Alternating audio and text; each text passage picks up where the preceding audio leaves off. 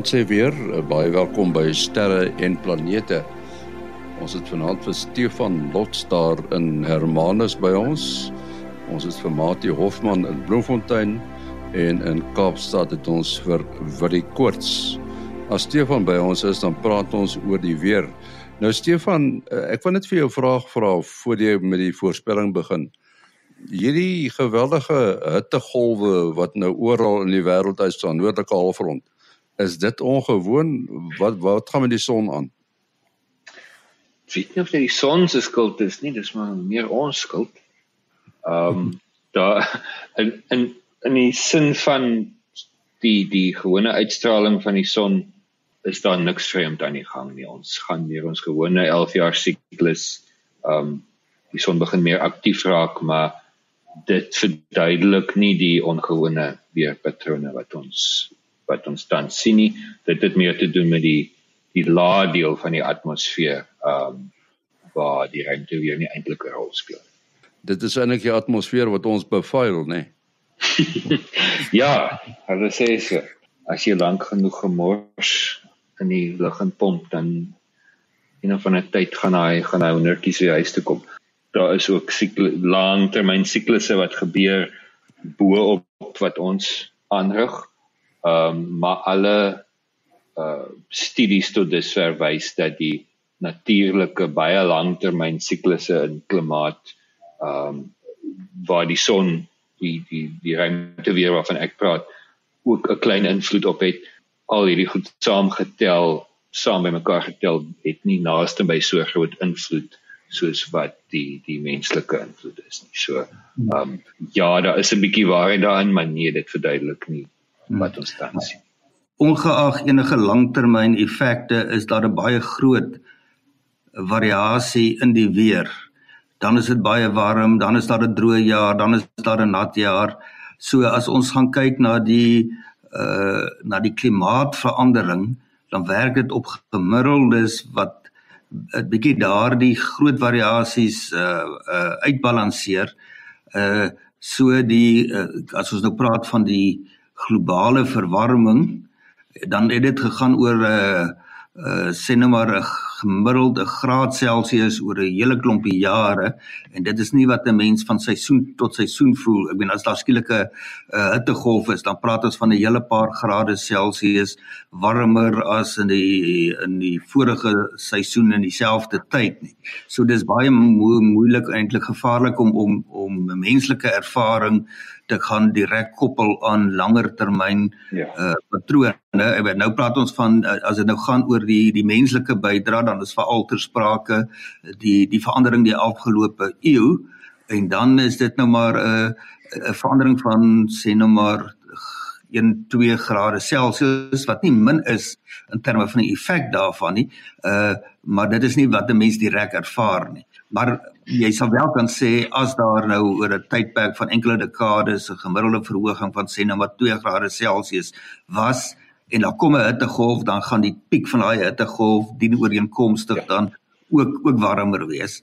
Ehm um, so mense maar net dit in gedagte hou dat die mense ervaring is nie 'n baie goeie barometer van wat reg aangaan nie. Maar nou 'n uh, vraag wat ek wil vra is uh, ons aarde is eintlik oorbevolk wat landmassa betref in die noordelike halfrond. En mense kan seker nou maar aanvaar dat uh, dat die lug eintlik meer bevuil word in die noordelike halfrond. En op die oomblik is daar in die noordelike halfrond nou hierdie geweldige uh, hitte golwe wat uh, oral uitstaan. Sal dit uh, verskil maak die feit dat die landmassas in die noordelike halfrond baie meer is as suid? Ek dink die matigende invloed van die van die oseaan uh gaan bietjie minder word want die want die oseaan uh is is 'n uh, is wat die aarde bietjie sy temperatuur balanseer 'n bietjie die die ekstremes uh 'n bietjie temper. Uh so in daai opsig dink ek kan die noordelike halfrond uh meer blootgestel word.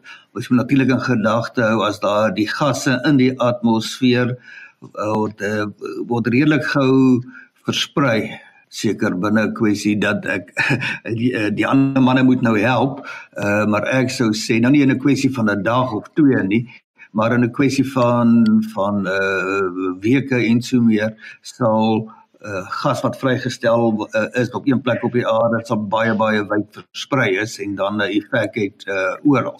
So as ons na die uh, patrone oor die die die tendense oor 'n kwessie van jare uh dink dan gaan dan gaan uh, dit nie 'n groot verskil wees tussen noord en suid uh, as gevolg van die feit dat die plek waar die gasse vrygestel is nie.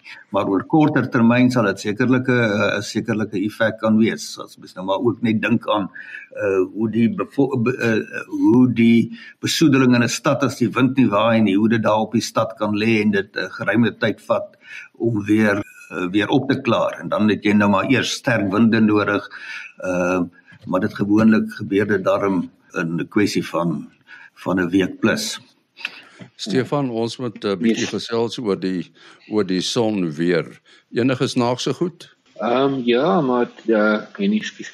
Ehm um, ons het nou in hierdie afgelope weke lekker uh storm, magnetiese storm gehad. Ek dink die vorige keer wat ek gepraat het was daar amper 'n soortgelyke storm ehm um, as gevolg van 'n soortgelyke oorsaak. Dis nou weer 'n 'n baie groot as ons nou so kan noem 'n gat in die son se se atmosfeer in die sin dat die die magneetveldlyne um eintlik oopmaak sodat daar uh, dan 'n stroom van baie vinnige sonwind daai deel van die van die son uitstroom en dit het nou mooi oor die aarde kom wy en hier sjoe dinsdag woensdag uh nee maandag dinsdag se kant was daar lekker storm gewees as ek kan raai dis dis 'n relatiewe groot een vir net 'n corona gat. So daar's nie 'n normale uitbarsting waarvan ons altyd die die uitbarstings en sonvakkels waarvan ons altyd praat nie. Hierdie was nou maar net bloot die sonwind beweeg vinnig. En dit het 'n lekker stewige storm veroorsaak. So die uh, die voorspellings en die en die monitering wat ons hier doen kon ons baie mooi sien hoe die die radiokommunikasie veral geaffekteer is. Dit en dit beïnvloed dan nou ag weermagstelsels en lugvaart en satellietkommunikasie, so 'n bietjie navigasie en so. So ja, dis dis wat ons die afgelope week kon sien uh die ouens, die meer gelukkige ouens daar in die verre noorde en verre suide kon nou mooi noorder en suider ligte sien. So ek het 'n paar mooi foto's gesien van FSA en IJsland. Ek weet nie of die ouens in Antarktika iets iets te sien kon kry nie. So as jy baie baie noord of baie baie ver suid was en so jy mooi auroras kon sien. En die en, en vorentoe? Vorentoe is daar paar uh, lyk vir my nou lekker groot en komplekse ehm um, sonvlek wat uh nou saam met die son aan die draai is na die aarde se kant toe. So ek dink hier teen so vroeg vroeg in die nuwe week sal ons sal ons dalk weer lekker storme gedoen sien. Nou goed, eh uh, wat hier is 'n brief van uh, professor PL Stein. En hy sê uh, hy onthou dat hy eenmal laas gesien het dat die monnika in 1066 uh eh, een aantal helder flits aan die agterkant van die maan gesien het. Nou nou wil hy weet uh is daar beelde van die agterkant van die maan wat so impakkrater vertoon? Ja, en en hy sê hierso die dat die maan nou nog steeds soos 'n klok lui. Interessant. Ek het nou bietjie gaan soek en en ehm um, die enigste datum ek kry niks vir 1066 nie, maar ek kry 'n hele paar gevalle wat hulle praat van 11 uh, 1178 ehm um, wat wat Engelse monnike by uh, Canterbury uh kathedraal het hulle het hulle uh, die um, die ding waargeneem.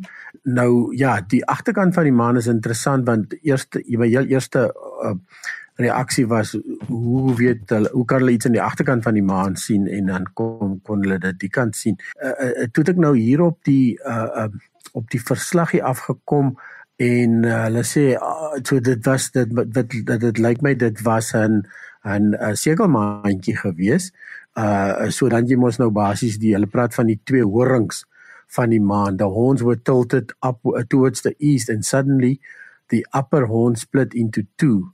From the midpoint of the division a flaming torch sprang up spewing out over a considerable distance fire hot coals and sparks. Meantime the body of the moon which was below withheld as it were in anxiety. The moon throbbed like a wounded snake So dis dalk hierdie lui wat hy van praat. Afterwards it resumes to its proper state. This phenomena was repeated a dozen times or so, the flame assuming various twisting shapes at random.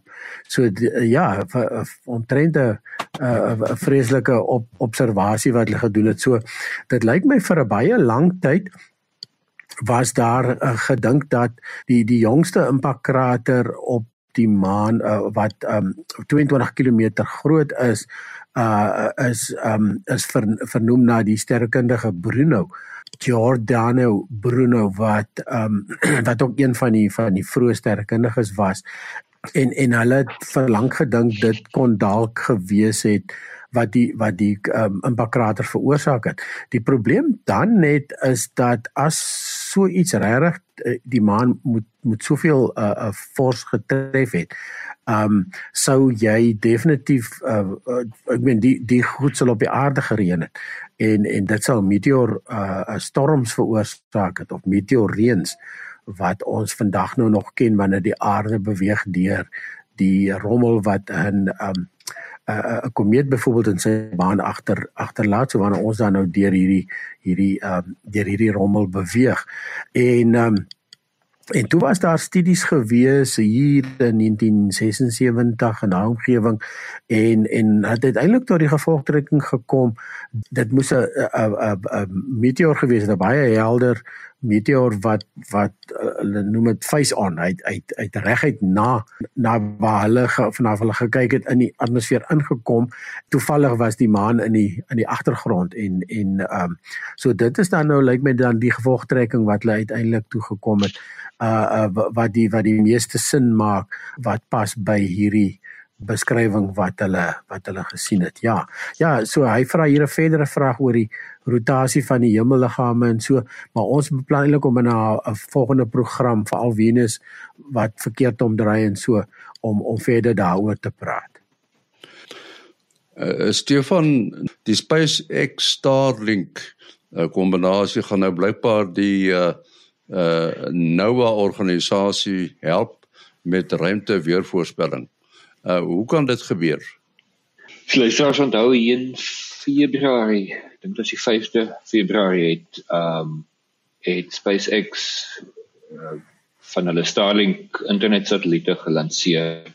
Hulle het 49 lanseer en terwyl hierdie ouetjies nou in 'n in 'n soort van 'n parkeerbaan was, het hulle met 40 van hulle weer teruggeval grond toe ehm um, aarde toe en dit was dan as gevolg van van ruimte weer. Daar was 'n uh, ehm, magnetiese storm aan die gang en dan wat dan gebeur is daai boonste laag van die atmosfeer raak uh van dikker. Ehm um, in die sin van van uh digtheid van deeltjies en hierdie satelliete voel dan meer uh, sneeukrag en hulle kon dit toe nou nie maak tot op hulle uiteindelike posisie nie.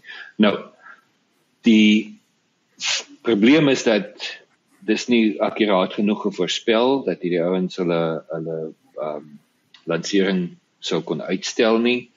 Ehm um, en die rede daarvoor is bloot dat daar om om hierdie goed te voorspel is nie eenvoudig nie en die die gebrek aan goeie metings is is nou maar eintlik die rede daarvoor. Enige model wat wat ons bou om hierdie goeders te voorspel, dit werk maar 'n bietjie soos 'n dieet, jy weet, dit hang af wat jy vir hom ingee, wat jy uitkry.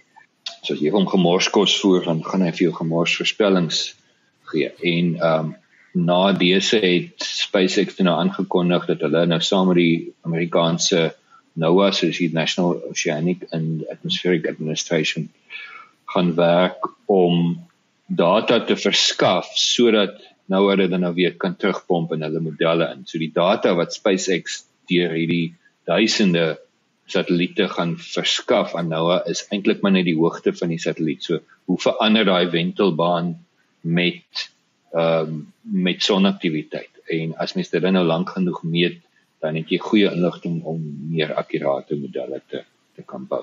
Dit gebeur gereeld in die sin dat die uh dat ons kommersiële die wetenskaplikes kommersiële uh satelliete gebruik om uh wetenskaplike metings aan te vul.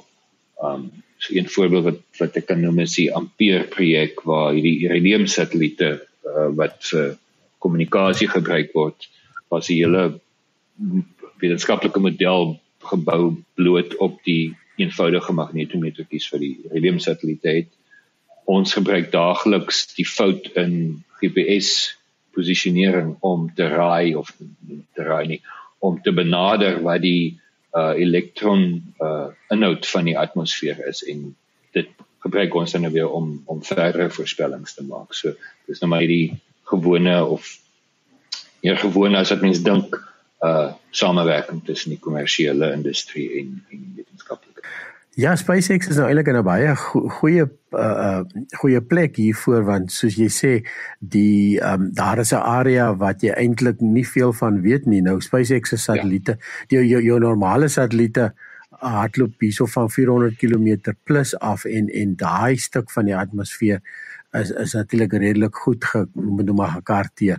Maar omdat SpaceX eintlik baie laag begin, en en dis eintlik die rede hoekom hierdie klomp satelliete uit die uit die uit die lug uit geval het. Ja. Ehm um, hulle hulle het hulle het eintlik 'n klomp inligting wat hierso laag gebeur en soos wat hulle hulle satelliete dan hoor vat, uh is dit eintlik 'n baie geldige geleentheid. Ek weet destyds met die eerste satelliete wat opgegaan het, Sputnik in in en daai ouens het hulle ongelooflike inligting gekry deur net die die die die vuurpyl die die vuurpyl wat nou klaar ja. geskiet klaar uitgebrand was en uh, moet waar dit sê dis eintlik wat die meeste mense gesien het toe hulle gedink het hulle sien Sputnik is dit eintlik die um, is dit eintlik die vuurpyl gewees en uh um, en deur dan soos wat die baan van die vuurpyl gebruikte vuurpyl dan nou verander het het hulle ongelooflike hoeveelheid inligting wat daai tyd natuurlik nul gewees het nog geen inligting gehad van die atmosfeer nie het het selfs dan die Amerikaners begin gebruik alhoewel dit 'n Russiese vuurpyl gewees het Mati, uh, kom ons praat 'n bietjie oor die kleur die kleure van sterre. As 'n mens nou opkyk na Sirius, dan lyk hy baie helder in wit. En dan kyk jy na Antares, dan sien jy hy is so effe rooierig dieselfde met Aldebaran en dan ook met uh, Betelgeuse. Uh as ons nou weg sou gaan van die aarde af, wat uh, watter kleur sou ons son wees as jy nou iewers verder in die ruimte is? Hoekom is daar ook verskillende uh kleure van sonne? Uh ja, kom ons begin by die son. Uh ons kyk nie eintlik na die son nie om, en dit is ook nou nie 'n goeie idee om na die son te kyk as hy nou hoog op in die lug sit nie want uh dit is baie skadelik vir die oog. Uh as hy egter baie laag op die horison is, dan kan dit nou nie anders as dat mense oog hom vinnig vang nie en dikwels is daar genoeg wolke en so aan dat jy darm so vir 'n uh, kort rukkie kan na die mooi son daar kyk en dan is dit nou nie 'n betroubare maatstaf van hoe hy lyk nie want dan lyk hy nou geel oranje uh selfs rooierig as gevolg van die effek van die atmosfeer. Uh so as hy hoog op die lug sit, dan sien nou mense meer akkurater lig gee, maar dan kyk ons mos nou nie eintlik nie. Uh maar in elk geval hulle het er, kan en het reeds die son se spektrum gemeet van bo die atmosfeer uh wat dan die effek van al die absorpsies in die atmosfeer dan nou elimineer. En dan sou mens uh eintlik maar kan sê die son is meer 'n geel-wit wit ster waar sy golflengte piek ehm uh, is uh, so by die groen amper by die blou ehm uh, maar dit is dan nie 'n master wat mense oog sal ervaar vir daardie hele spektrum van kleure nie want dit is nou vermeng met al die ander sigbare en onsigbare uh golflengte so uh, wit geel is die meer akkurate maatstaf. Ehm um, nou uh, die son se se kleur is 'n uh, aanduiding van sy oppervlaktemperatuur. Ehm um, en dit is so in die omgewing van 5500 grade Celsius as ek nou maar uh, sommer afrond wat hoog genoeg is. Uh, maar kom ons vergelyk nou uh dit met uh ander sterre. Die die sogenaamde rooi rose, ag rooi rooi reuse uh is uh koeler sterre en ook ouer sterre en dan praat ons van 'n oppervlaktetemperatuur in die omgewing van 4000 grade Celsius. Uh en daar het jy nou maar die paar bekendste voorbeelde het jy genoem. Nou dit is nou vir iemand soos ek wat nou nie so goed met kleur is nie as ek nou na Antares of Betelgeuse uh of Aldebaran kyk, dan sal ek nou nie dadelik uitroep, "Haai kyk, dit lyk rooi nie," maar as ek nou na dit vergelyk met uh, ster so Sirius, dan kan jy nou vir jou voorstel dat die ouens wat sê hy is rooi dit jy dink tog uh, dit is reg. Uh, dit, dit klink vir jou reg. Maar as jy nou deur 'n teleskoop gaan kyk na uh, sekere groeperings, nou baie bekende voorbeelde daar is die juwele kassie wat so net langs die suiderkruis sit. Hy sit naby aan uh, Beta Crucis. Uh daar kan mens nogal verskillende kleure onderskei en dat dit die uh, juwele kassie vertoon so amper as 'n driehoekie van sterre en dan in sy middel is 'n fyn spikkeltjie baie mooi duidelik sigbaar wat duidelik rooierig lyk. Ehm um, so dit is nou vir my die die beste voorbeeld vir van 'n ster wat vir my inderdaad rooi lyk, maar mens kan wel 'n verskil in kleur sien as jy na verskillende sterre kyk, veral die helderder sterre. 'n Mens se oog het 'n sekere drempel intensiteit nodig voor voordat kleur enigsins sigbaar is. As lig baie swak is, dan sien jy maar eintlik net in swart en wit of skakerings van uh van grys. Ja, wat jy asseblief nou kyk aan die teleskope daar by Sutherland, uh, die ouens wat kyk na die ruimtevoorwerpe. Hulle hulle sien nie eintlik kleur nie, nee, dit is net 'n swart kolletjie op 'n wit agtergrond. ja, ja, dis reg terwyl uh, uh, Martin nou gepraat het, dink ek aan 'n uh, baie goeie oefening as jy nou 'n teleskoop het is om hom effens uit fokus te stel. En dan is dit nogal of die kleure mooi uitkom en selfs as jy nou uh, fotos neem, en jy uh hoekom hoekom sê ek so baie van my fotos is uit fokus en dan kan ek die kleure mooi sien. So dit is 'n uh, dis eintlik 'n byproduk. Maar ja, so die die die uh ons detectors in in Sutherland is is alles swart en wit en uh, selfs die op die James Webb of die uh, is ook is ook en op die Hubble is almal swart en wit so in sterrekunde uh um is is kleur uh, eind word op word met met filters uh gemeet natuurlik en um en dan uh, deur deur dan die uh, die uh, sterre in verskillende kleure waar te neem kan jy byvoorbeeld baie maklik sy temperatuur bepaal. As jy twee kleure van mekaar aftrek twee spesifieke kleure dan kry jy onmiddellik die temperatuur. En um en so dit is uh daar's eintlik 'n groot hoeveelheid kleurinligting wat jy dan met eenvoudig net met filters doen. Of as jy dan 'n spektrograaf het waar jy hom heeltemal in sy in sy in sy reënboogkleure en sy spektrum op op op uh, verdeel dan kan jy hom in in in uh, dan dan dit soos uh, uh dan jy dan jy ekstra dan jy meer kleurpiksels as jy dit so wil wil wil sê. So ja, 'n uh, uh, kleur kleur speel nog al 'n baie baie belangrike rol in in die waarnemings van sterre. Dit sal ook vir jou sê byvoorbeeld waar uh, produseer die ster sy maksimum energie en uh, en dan word sterre onmiddellik geklassifiseer volgens hulle uh, volgens hulle kleure en dan kan jy ook sien in watter stadium van van uitbranding van evolusie het het het so ster al uh, uh, gevorder. Um en dit en dan gee dit vir onmiddellik 'n uh, uh, weer 'n idee van sy ouderdom. So ongelooflike klomp inligting wat jy net uit die kleur kan kyk en dan natuurlik heel laaste as jy na die Doppler verskywing kyk, dan kan jy bepaal hoe vinnig die ster roteer, hoe vinnig hy beweeg na of weg van jou af. As jy na 'n galaksie kyk, sien jy baie maal sien in die een kant is hy rooi verskuif, die ander kant blou verskuif wat beteken hy is besig om daai kant toe om te draai. So 'n uh, uh, ongelooflike hoe uh, hoeveel inligting wat jy uit uit uit kleur kan kry uit 'n ster uit.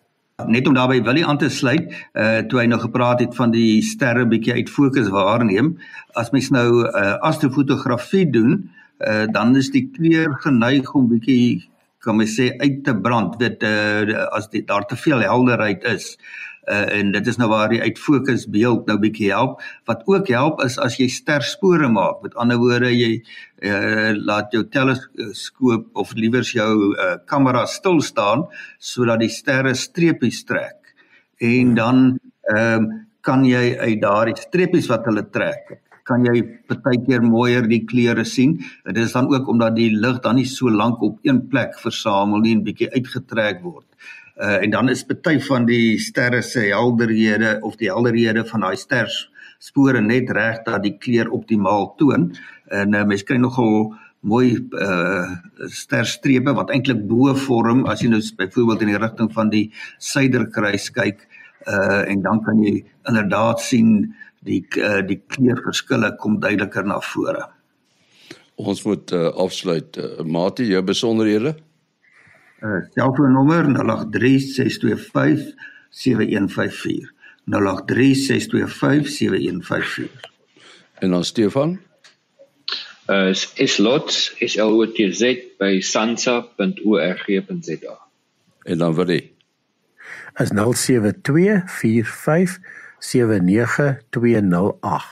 0724579208. En dan die e-posadres van die program is sterreplanete@gmail.com. sterreplanete@gmail.com. Ons sê dankie aan Mati Hofman, Stefan Lots en Willie Koorts. Tot volgende week. Alles van die beste.